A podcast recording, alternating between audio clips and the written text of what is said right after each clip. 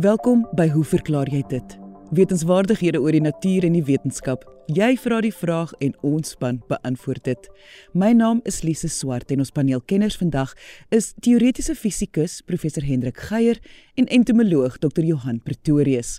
As jy 'n vraag het, stuur jou e-pos na lise@rsg.co.za en ek sal jou vraag aanstuur na ons paneelkenners en hooplik sal jy binnekort jou antwoord op die radio hoor. Onthou jy kan onder 'n skuilnaam skryf of vra om anoniem te bly. Ons eerste vraag kom van Tinus Foster wat 'n video ingestuur het van 'n kind wat speel met spinnekoppe, so groot soos haar kop.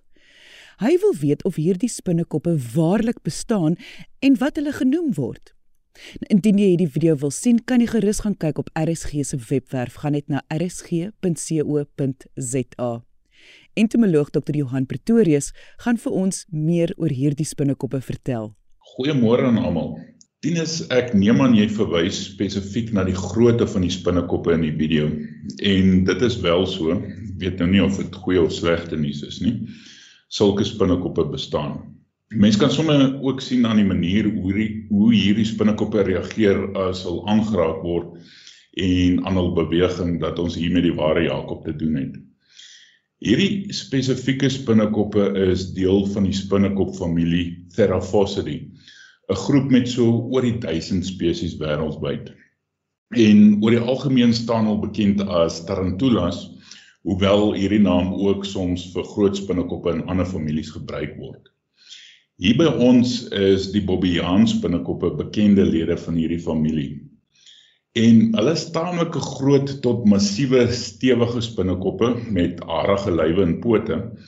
Sommige soos die Goliath tarantula wat in die noordoostelike dele van Suid-Amerika voorkom, is in die omgewing van 30 cm lank as jy hom meet vanaf die punt van een van die voorpote tot by die punt van 'n agterbeen aan die teenoorgestelde kant van die lyf. En die lyfsel van hierdie reuse kan tot 13 cm lank wees en al weeg oor die 150 gram. Selfs ons eie bobbejaan spinnekoppe is indrukwekkende gediertes, sommige tot 9 cm lank. Nou party van hierdie spinnekoppe is boomlewend, maar baie is beperk tot die grond waar hulle tonnels maak en skuil en wat hulle met sy uitvoer soos byvoorbeeld by ons Bobbejaan spinnekoppe. Hulle spin dus nie die kenmerkende webbe van baie ander soorte spinnekoppe nie, maar maak op hul krag en grootte staat om hul prooi te oorrompel. En Lise glo dit of nie, maar daar's verstommend pragtige spesies in hierdie familie en verskeie soorte is gewild in die troeteldierbedryf. Interessant genoeg sal baie van die nuwe wêreldspesies alself beskerm deur die hare op die agterlyf af te vryf met hul pote as hulle bedreig word. En hierdie hare kan groot ongemak veroorsaak as dit met slijmvliese in kontak kom of as dit in die respiratoriese stelsel beland. Ons Bobbejaan spinnekoppe het byvoorbeeld nie hierdie verdedigingsmeganisme nie en is daarom meer geneig om aggressief op te tree en aan te val as hulle in gevaar is. Nou behalwe vir die tarantulas en bobbejaan spinnekoppe, is daar ook spinnekoppe in ander families wat aan die groot kant is. Wat as voorbeeld die redelike groot valdeur spinnekoppe van sekere spinnekopfamilies in Suider-Afrika, asook die groot reënspinnekoppe wat baie mense al skrik op die lyf gejaag het en gereeld rondom en in huise gesien word. Terloops die spinnekop familie waartoe die reënspinnekoppe behoort, dis nou die Sparassidae of groot dwaalkrab spinnekoppe, het spesies in ander wêrelddele wat baie groot kan wees met 'n beenspan ook in die omgewing van 30 cm, hoewel die lyf kleiner is.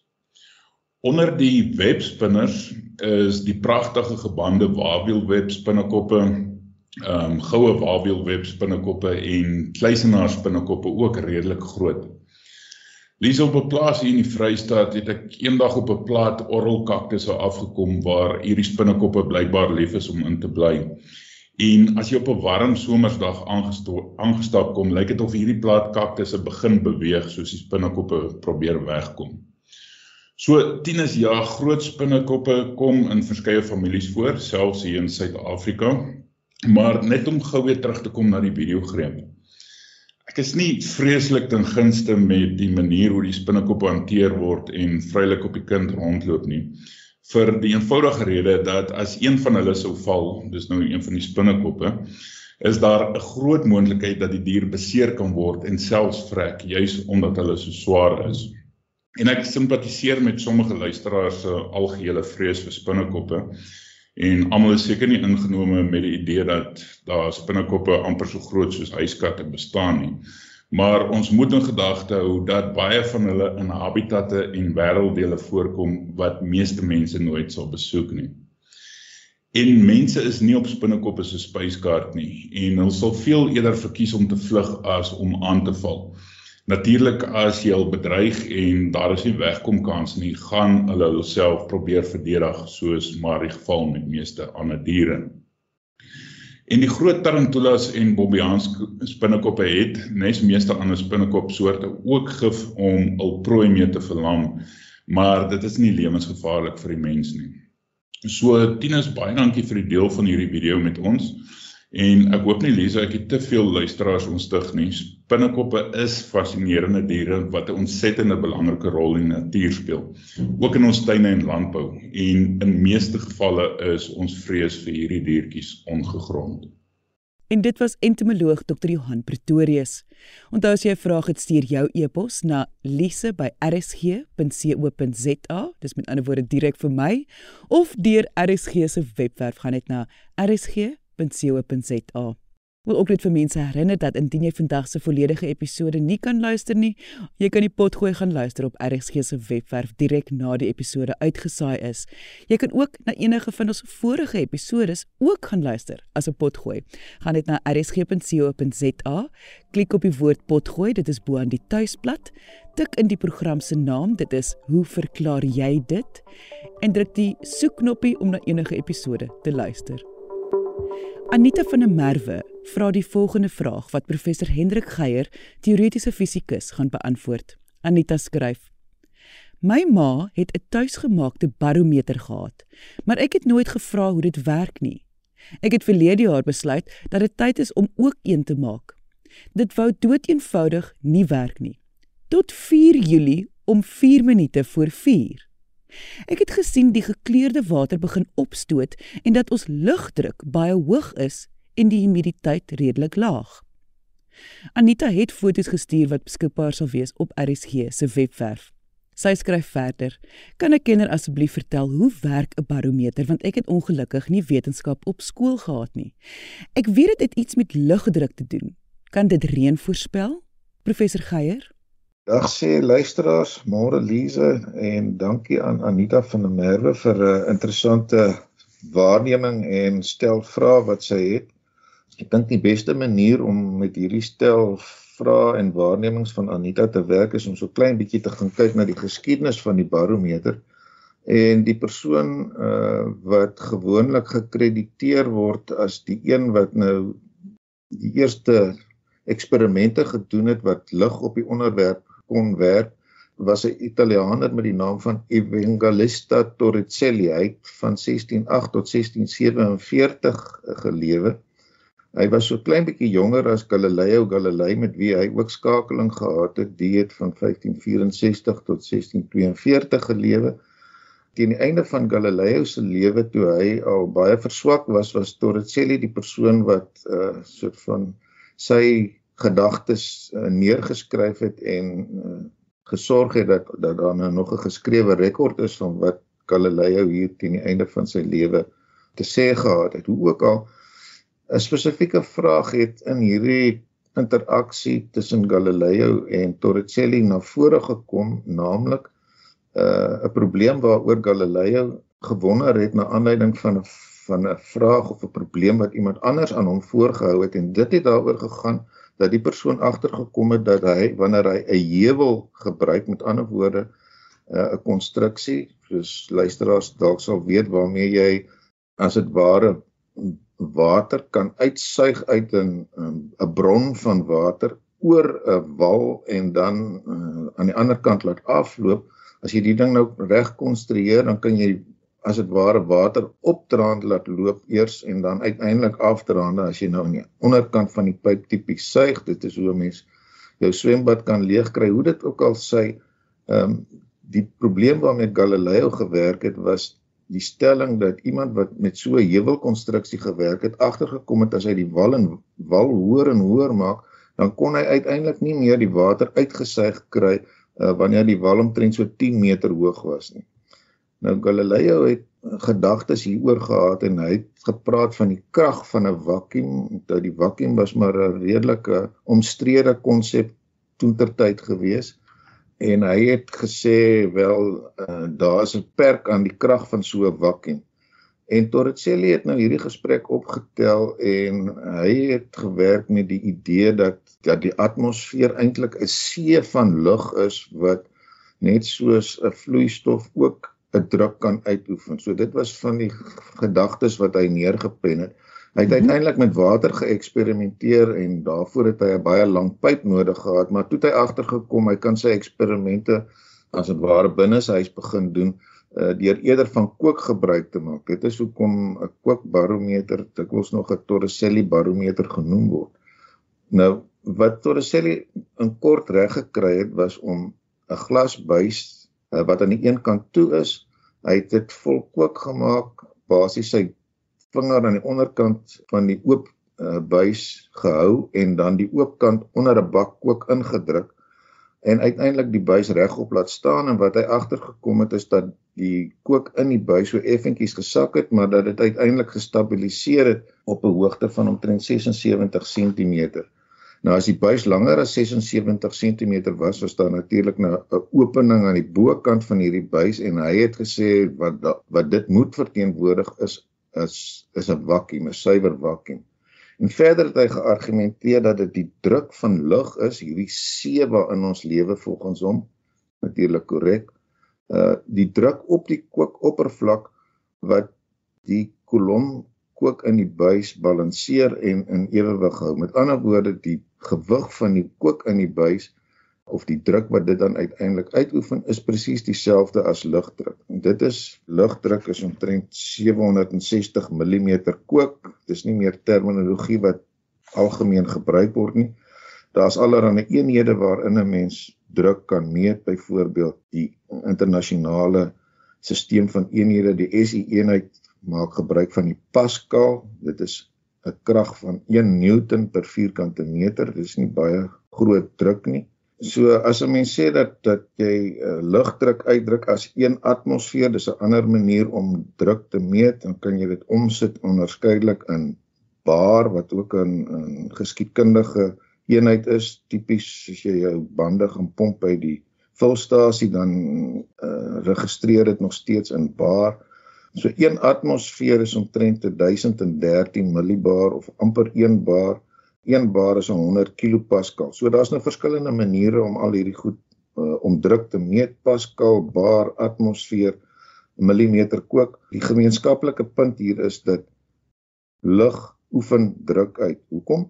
Wel, as 'n mens bepaal wat is die gewig van lug bokant 'n vierkante sentimeter. Jy vat nou 'n kolom lug 1 cm in deursnee en jy verleng daai lugkolom van aardoppervlak tot waar die atmosfeer so dun is dat daar nie eintlik meer lug is nie, dan sit jy met omtrent 1,03 kg. Dit is hoekom atmosferiese druk tipies aangegee word. As jy praat van 1 atmosfeer, die 1,03 kg impliseer dat die druk 1013 millibar is of 101 kilopascal. Dit is lugdruk. Dit is natuurlik nou bygesê onder normale weeromstandighede want ons weet dat die lugdruk kan verander en ons kom nou nou terug by die redes hoekom dit kan verander en hoekom 'n mens dit nou kan meet met 'n barometer. So Torricelli se groot bydrae was om aan te toon dat lug druk uitoefen en dat 'n mens dit kan meet.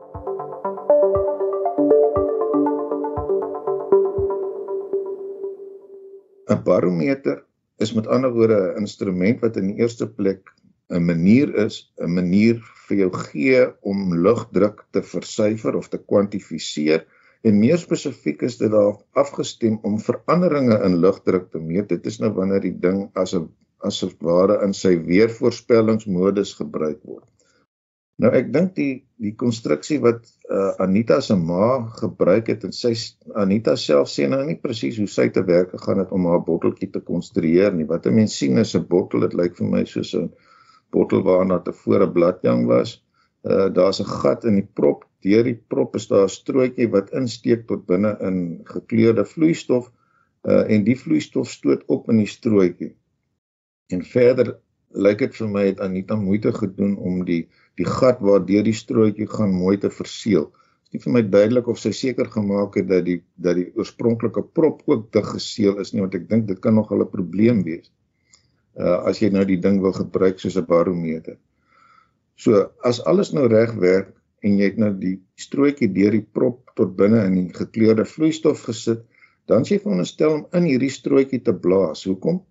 As jy net die prop opdraai met die strootjie daarin gaan gaan daar natuurlik geen vloeistof in die strootjie opgestoot word nie, maar as jy nou inblaas in die strootjie, blaas jy as ware borrels onder in, jy verhoog die druk binne in die bottel bottel is dig geseël, so die effek is dat jy verhoog die druk op die oppervlak van hierdie gekleurde vloeistof en dit stoot nou die vloeistof op in jou strootjie. Ek moet nou sê as jy as jy vir jouself so 'n 'n tuisbarometer wil bou, moet jy dit doen op 'n dag waar die weeromstandighede nou nie besig is om drasties te verander nie sodat jy met tipiese gemiddelde druksituasie werk. Want wat nou verder kan gebeur is as die lugdruk drasties verander, sê nou maar dit word baie hoër, dan gaan die vloeistof in jou strootjie sak.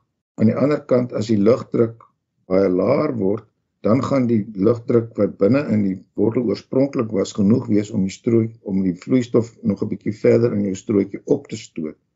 So dit lyk vir my eintlik kontrasterend met die inligting wat Anita vir ons gestuur het uh waar sy eintlik 'n korrelasie gemaak het tussen hoër druk soos byvoorbeeld aangegee deur een van hierdie tipiese weervoorspellings toepassings en die die styging van die vloeistof in haar strootjie. So as jy begin met met 'n effens hoër druk binne in die bottel as aan die buitekant, dan is dit hoekom in die eerste plek die water opstoot in die strootjie en wat dan nou verder gebeur is na gelang die lugdruk noemenswaardig verander dan sal die balans tussen die oorspronklike hoogte van die volume uh, vloeistof in jou strootjie en die lugdruk versteur word en op so 'n manier dat as die lugdruk buite hoër word dan druk dit die vloeistof af en as dit laer word stoot die vloeistof hoër op. So op hierdie manier het jy dan 'n barometer.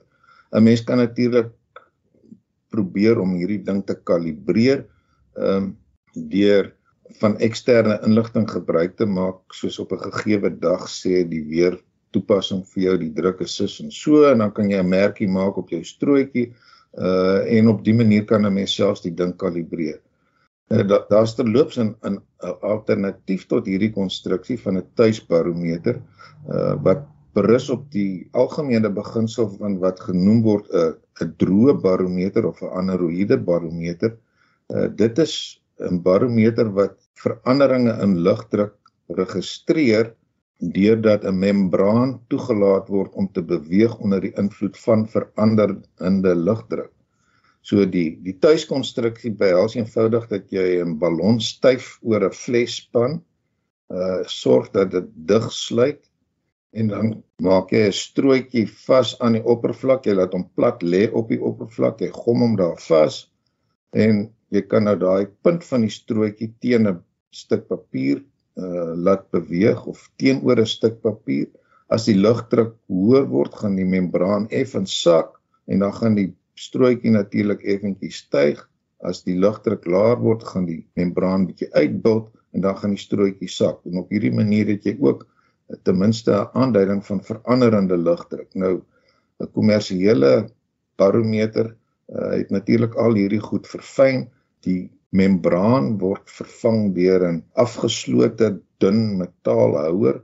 Hy het nou 'n spesiale konstruksie deurdat hy dun wande het en hy hy werk so min of meer soos 'n konsertina wat onder die invloed van lugdruk nou kan beweeg en deur verskillende ratte en stafies te gebruik kan jy die beweging uiteindelik na 'n wysertjie oordra wat op die bekende uh barometer wiel aandui of dit gaan reën of dit droog gaan wees uh, of die weer dieselfde gaan wees. Uh deesdae dink ek word barometers nie meer regtig gebruik vir weervoorspelling nie. Dit is eintlik meer 'n manier om jouself te vermaak deur te kyk wat aangaan en dan te korreleer met inligting wat nou al op verskillende maniere baie meer eksterne data verwerk om akkurate weervoorspellings te maak eerder as om net op 'n spesifieke plek na die lugdruk te kyk. Jy luister na hoe verklaar jy dit? En professor Hendrik Geier is besig om te verduidelik hoe 'n barometer werk na aanleiding van 'n vraag van Anita van der Merwe. Maar nou het ons nog niks gesê oor hoekom lugdruk en en weervoorspelling enige iets met mekaar te maak het nie. So kortom, as 'n mens 'n hoogdrukstelsel in die suidelike halfrond het, waai die wind rondom daai hoogdrukstelsel in 'n antikloks gewys. Verder, omdat die wind van die hoogdrukstelsel basies oor die aardoppervlak uitgesprei word om dit so te stel, moet dit natuurlik aangevul word van bo af. Uh terloops dit is ook hoekom die temperatuur tipies styg want die die lug word saamgedruk en dit het 'n verhoging in temperatuur tot gevolg maar dit is dan tipiese situasie waar jy droë lug het wat wat verder uitgesprei word in teenstelling daarmee as jy 'n laagdrukstelsel in die suidelike halfrond het dan beweeg die wind natuurlik aanvanklik of 'n mens kan dit so visualiseer dat omdat jy 'n laagdrukstelsel het is die wind geneig om na die laagdrukstelsel toe te waai. Dit gebeur nie radiaal nie omdat die aarde roteer en in hierdie geval waai die wind in 'n kloksgewyse, so uh, in 'n kloksgewyse rigting. Dit is hoekom jy wanneer daar tipies hier in die winter 'n laagdrukstelsel aan ons Weskus of Suidweskus is, uh wat nader aan die land beweeg, dan kry jy noordweste winde.